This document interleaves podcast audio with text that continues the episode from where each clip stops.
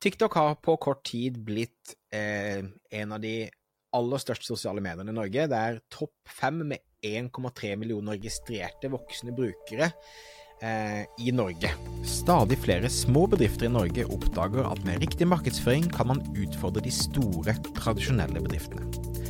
Ved å ha fokus på å bygge gode relasjoner og opparbeide seg tillit, kan små bedrifter oppnå store ting. Velkommen til podkasten 'Suksess med annonsering'. I denne podkasten kommer vi med ukentlige råd, tips og strategier som du kan implementere i din bedrift.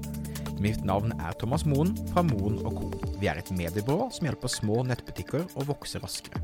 Om du er helt ny på annonsering, kan du komme i gang gratis ved å gå til moen.no start for vår gratis startpakke.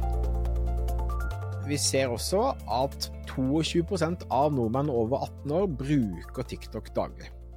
I målgruppen som er 18 til 29, er Snapchat det mest brukte sosiale mediet i Norge, med 70% daglig dekning, nå etterfulgt av TikTok. Så Snapchat og TikTok er altså større enn altså mer aktive brukere i segmentet 18 til 29 enn Instagram, YouTube og Facebook.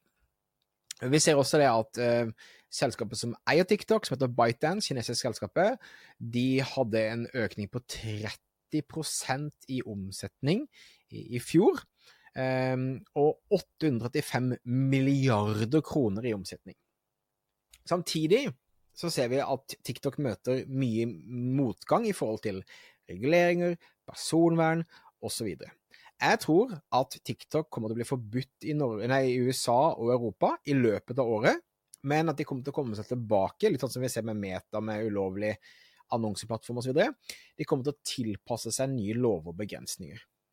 Men det gjør også at uh, man må tenke seg litt om før man som norsk merkevare bruker masse tid og ressurser på å bygge opp en stor følgebase på TikTok, eller bruker veldig mye penger på annonsering og blir helt avhengig av TikTok som kanal. Annonsering på TikTok er fortsatt vanskelig å lykkes med.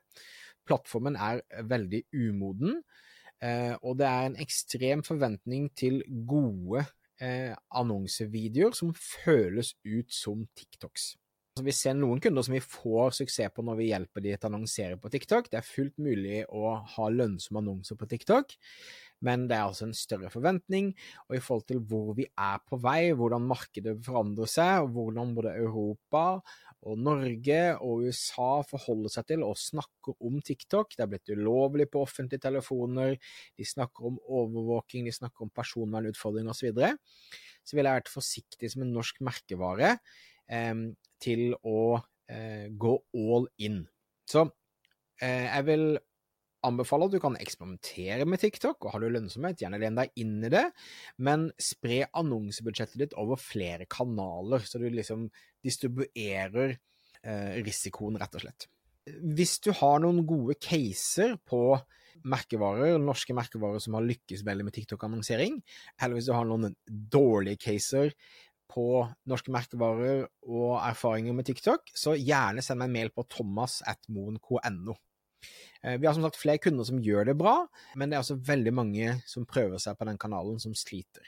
Det er min, eh, min, min refleksjon rundt fremtiden til TikTok, er at det kommer til å være en bumpy ride. Um, de er ekstremt flinke til å fintune algoritmene sine, men de har også eh, mye utfordringer i forhold til hvordan de skal navigere eh, forventningene til stater versus forventningene til forbrukere og bedrifter. Tusen takk for at du lyttet på. Husk å abonnere eh, på denne podkasten hvor enn du hører på podkaster. Du kan sjekke ut linker i shownotes for bonuser og andre relevante eh, ting som er nevnt. Mitt navn er Thomas Moen, og vi høres igjen neste uke for en ny episode av Suksess med annonsering.